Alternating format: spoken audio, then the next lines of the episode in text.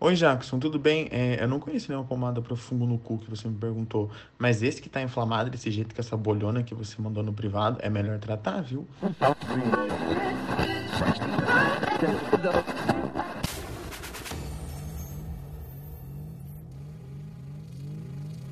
Esta é a Rádio Drama Queen.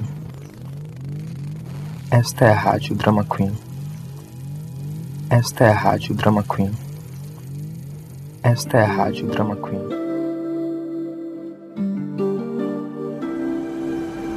Tô sem tempo, me pediram um hit. O rap do Best tá no repeat. Todos dizem que ele é o melhor rapper daqui. É só jogar na net e vai ter um hit. Então vamos para o programa do Faustão. Divulga o som.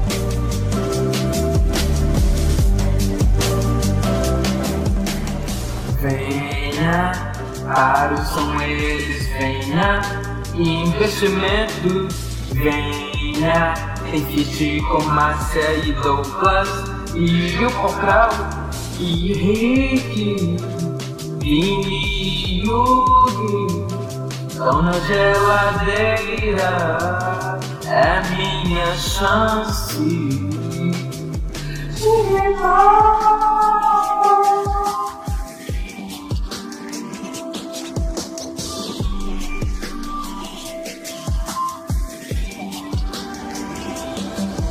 Tô sem tempo, me pediram um hit. O rap do Black tá no repeat. Todos dizem que ele é o melhor rapper daqui. É só jogar na net e vai ser um hit. Então vamos para o programa do Faustão divulgar o som. Olá, ouvintes da Rádio Drama Queen. Você acabou de ouvir Dando Hit no novo single continue dando stream, pois assim, mais rápido o, meu álbum vai sair. Na verdade, ele já tem data, esta semana. Se eu não me engano, é dia 28, daqui a uns dias. Então, fique atento, esse é o meu sexto álbum, álbum de estúdio. Eu tenho muitos outros álbuns que não contam para minha carreira. O programa ainda vai continuar a se chamar Drama Queen, e uma nova edição saiu tão rápido por causa de uma demanda de fofocas imensa e de divulgação também. Recebi muito dinheiro para divulgar muitas coisas aqui no programa. Mas a questão central é que Márcia Neves está metida com traficantes. E depois do que ela falou no último programa, Ebert veio até mim defender Lipa Dupla. Eu vou deixar a mensagem completa para vocês ouvirem e tirarem suas próprias conclusões. Agora vou ter contáveis, sim. Lipa dupla nunca foi falsa comigo, pelo menos na minha frente, sempre quando eu cheguei. Até quando eu não era ninguém na indústria, ela sempre me tratou bem, me levava para os bailes, para as premiações e tudo mais. E aí vinha a Márcia Neves, que é uma fudida, e lá da puta que pariu o caralho a quatro. Que, que merda é essa? Quem tá, quem tá com o Moto G aqui? Vou demitir essa equipe todinha. Voltando. Aí a Massa Neves pegou e veio me chamar de lixo. Opa! Só porque eu disse que não ia tirar foto com ela, porque eu não gosto dela. Aí por isso que eu fui lá. Puta que pariu, eu já disse pra vocês saírem daqui. Pronto. Hoje você apanha. Hoje você apanha. Tá bom, deixa eu voltar pra cá. Aí quando eu peguei, cheguei no Veste Vigilando e fiz o. Peguei desse Garotas Imortais como até a, tal de M, eu tava falando dela mesmo. Mas senti pra não ficar explícito, eu peguei e botei a tal de M. Mas ela tá espumando, ela tá dizendo que vai mandar os traficantes aqui. Eu quero que ela suba aqui. Porque eu vou mandar a Bibi correr atrás dela. É isso. Outras pessoas também me mandaram mensagem por escrito pedindo para não se identificarem. Abre aspas. Márcia Neves foi presa por tráfico de drogas em Ananindeua em 2020. De acordo com a polícia militar, ela estava no bairro Jaderlândia vendendo drogas com uma criança de colo. Após denúncia anônima, os militares realizaram a abordagem e encontraram entorpecentes e um CD virgem com Márcia Neves. Ela pagou uma fiança de 200 mil reais e foi liberada. Márcia perdeu a guarda da criança e agora está num orfanato satânico. Fecha aspas. A danada da Márcia Neves sempre está envolvida com polêmicas. Música que é bom nada. Eu, inclusive, acho que ela pode ser um alter ego de Lipa Dupla para ela poder viver a vida depravada que ela quer, mas sem atrelar o nome dela à carreira. Topa tudo por dinheiro. Eu não vou nem julgá-la porque eu faria o mesmo.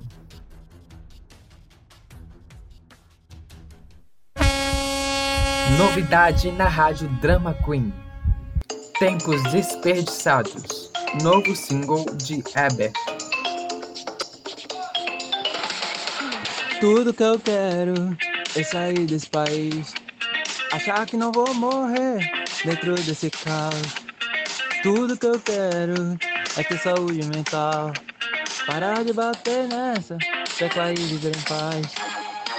Tempos desversados, porque temos que eu tenho que fracassar. Tempos desversados, muito jogar pra baixo, mas não persista. Ainda vamos ver o bem derrotando o mal, tempos desversados tempos desversários. Eu ainda vou no top 1500.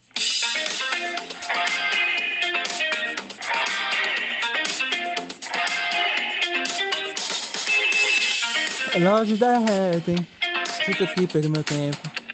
Caindo na nona nuvem, ainda vem junto. Pra onde estou indo? Tô sem sinal daqui. O rádio está forte, está vindo me salvar tempos descansados. Porque temos que tentar tanto fracassar, tempos descansados. Tente jogar pra baixo, mas não desista, persista. Ainda vemos eu, bem derrotando o mal. Tempos descansados. Eu ainda vou chegar no top 1500. Avisem que eu estou caindo, mas avisem.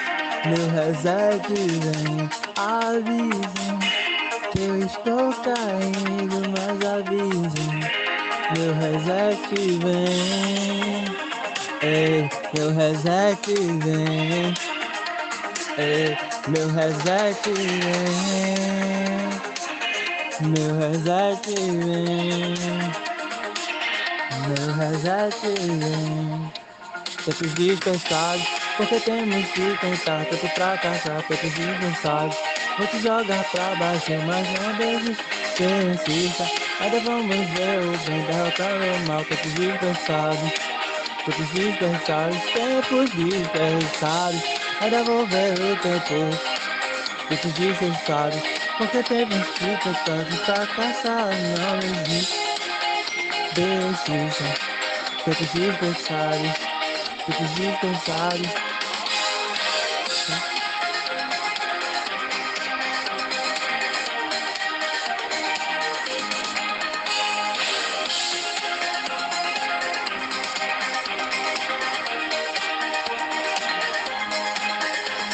Eu ainda vou chegar no top 1500. I take a deep breath. And I... Caralho, estou muito chapado. Essa chuva caindo e esse cinzeiro feito pela irmã do Henrique. Cinzeiro brilhoso, liso, agradável aos olhos captura as cinzas do meu baseado pelo preço de 65 reais. Você leva um cinzeiro para casa. Frete é 35 reais, dependendo do lugar que você mora. Entre em contato com a irmã do Henrique. Esta é a Rádio Drama Queen. Voltamos do intervalo. Eu agora vou ligar para Jack, que finalmente voltou à indústria lançou a música Cuecão Rasgado e o álbum Floquinho. Não vimos o single chartear em nenhum lugar, mas ele tem um caráter artístico gigantesco. Cuecão Rasgado é um grito de liberdade artística. É um reset cultural. O Jack merece um lugar na Academia Brasileira de Letras. Alô? Alô? Olha, Jack, a primeira coisa que eu quero saber é, depois de ganhar o Grammy de álbum do ano em 2020 por Imagem Manchada, qual foi o seu maior desafio para compor esse novo álbum? Eu acho que depois que eu ganhei o Grammy, eu fiquei num patamar muito acima do que eu esperava, né? Então, o maior desafio para essa era foi justamente suprir as minhas próprias expectativas do que eu estava pensando em fazer. As composições demoraram um pouco para sair do papel, eu tive um pouco de dificuldade para compor. Mas até que deu tudo certo. E eu estou preparando muitas coisas para os fãs. Acho que eles vão gostar. E dessas coisas que você está preparando, o que é que, que tá vindo aí? Eu quero saber uma coisa de verdade. Não quero que você fique enrolando, não. Eu quero que você diga com todas as palavras o que você está aprontando. Então, ouvintes da Drama Queen, eu tenho um anúncio exclusivo para fazer para vocês. Durante esses meses eu estava preparando um especial com o Disney Plus. Nós vamos lançar uma versão do álbum direto no Disney Plus que mostra as sessões de gravação, como foi feito alguns detalhes. E também vou lançar uma música através desse, desse especial para vocês desfrutarem aí. Então nós vimos que você trabalhou bastante, né? É, para encerrar a nossa a nossa conversa, eu gostaria de que você cantasse uma música do Floquinho. Qualquer música aí, o que você sentir no seu coração, a sua preferida, a preferida dos fãs. Claro que sim, eu vou cantar uma música presente no Floquinho. Inclusive essa música está presente no meu especial também. Eu não sabia que eu ia te amar tanto assim. Porque quando você diz um não, eu digo um sim. E se morrer, então o que será de mim? Vou chorar, vou gritar, as minhas lágrimas vão rolar. Que hino já, que nós amamos. Mas e aí, quando é que o especial vai sair? Estamos acertando os últimos detalhes, tá? Mas tenho a previsão de que dessa semana não passa. Amor? Porra, Jackson, assim fica difícil, cara. Mas é isso aí, obrigado pela sua participação. Ouvintes, continue ouvindo Floquinho nas plataformas digitais. Galera! Tá tocando o Tecu do intervalo! Quero te falar o seguinte, eu não preciso de fazer nada disso para voto não, meu amor. Eu tenho 70 leis aprovadas. Sabe que é 70 leis tem que ter disposição, sua piranha. Eu vou te falar uma coisa, se existe jovens aprendiz hoje na cidade do Rio, é a lei do primeiro emprego da mãe loura Verônica Costa. Se você não sabe, jovens aprendiz é algo assim que muda a vida dos jovens, sua piranha. Se você não sabe, sua puta, a lei dos empacotadores é uma lei que gera emprego para terceira idade, sua vagabunda. Não fale mais de mim, vai limpar essa sua boca, vai tomar juízo para Galera! Tá tocando o Tecu do intervalo! Voltamos, ouvintes, com esta edição do programa Rádio Drama Queen. Nós vamos continuar a falar sobre o assunto do Douglas. Todo mundo já está careca de saber das polêmicas dele com a gravadora, e depois da última Rádio Drama Queen, esse assunto tomou proporções gigantescas. Uma das gerentes da São Willis Records me disse que ele pediu 300 reais emprestado. Passando os dias, ele acho que ficou assim, sem dinheiro, né? Com pouco dinheiro. Ele me pediu dinheiro emprestado. Você sabe aqueles 300 reais que eu te dei, que eu te emprestei? Emprestado? Emprestado? E não obstante, Mouro saiu da sua toca e veio se defender. Tá com paus e pedras nas mãos, pronto para massacrar o Doug. E eu tô sentindo que a guerra entre Moretti e Douguetes vai ferver hoje no Twitter. Espia só. Que coincidência, né, Douglas? Uma pessoa medida com vazamento de CPF, carioca, gravadora de áudio de pessoas enquanto elas não estão ouvindo, e além disso, vazando informações e mentiras ao meu respeito. Eu teria vergonha.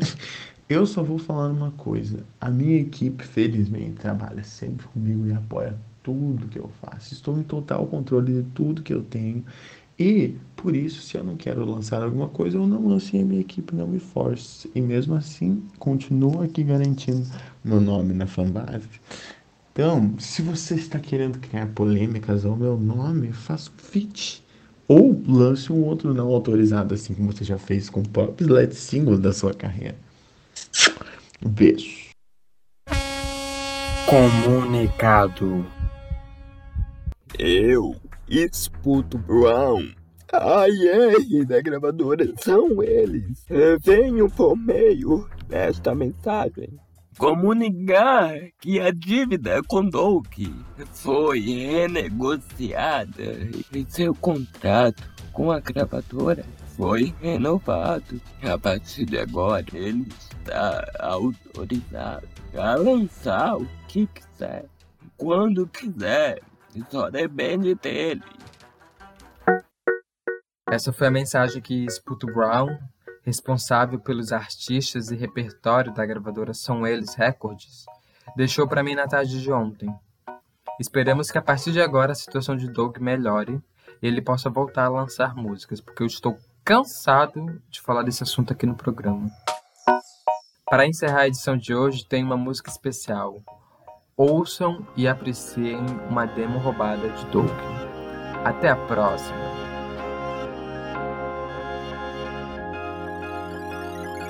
Não quero mais, você me trai, mas eu não quero mais sua satisfação. Não quero mais, você me trai, mas eu não quero mais sua satisfação. Só entrou em câncer e a lua virgem, nada mais fica. Estão sabendo da novidade? Não? Pois então agora você está sabendo. Olá, ouvintes da Rádio Drama Queen. Eu sou o humor e chega de conceito, né? Nesse feirão que é minha vida, então, toca aí, João. Presentinho para todos os haters. Você duvidou, né?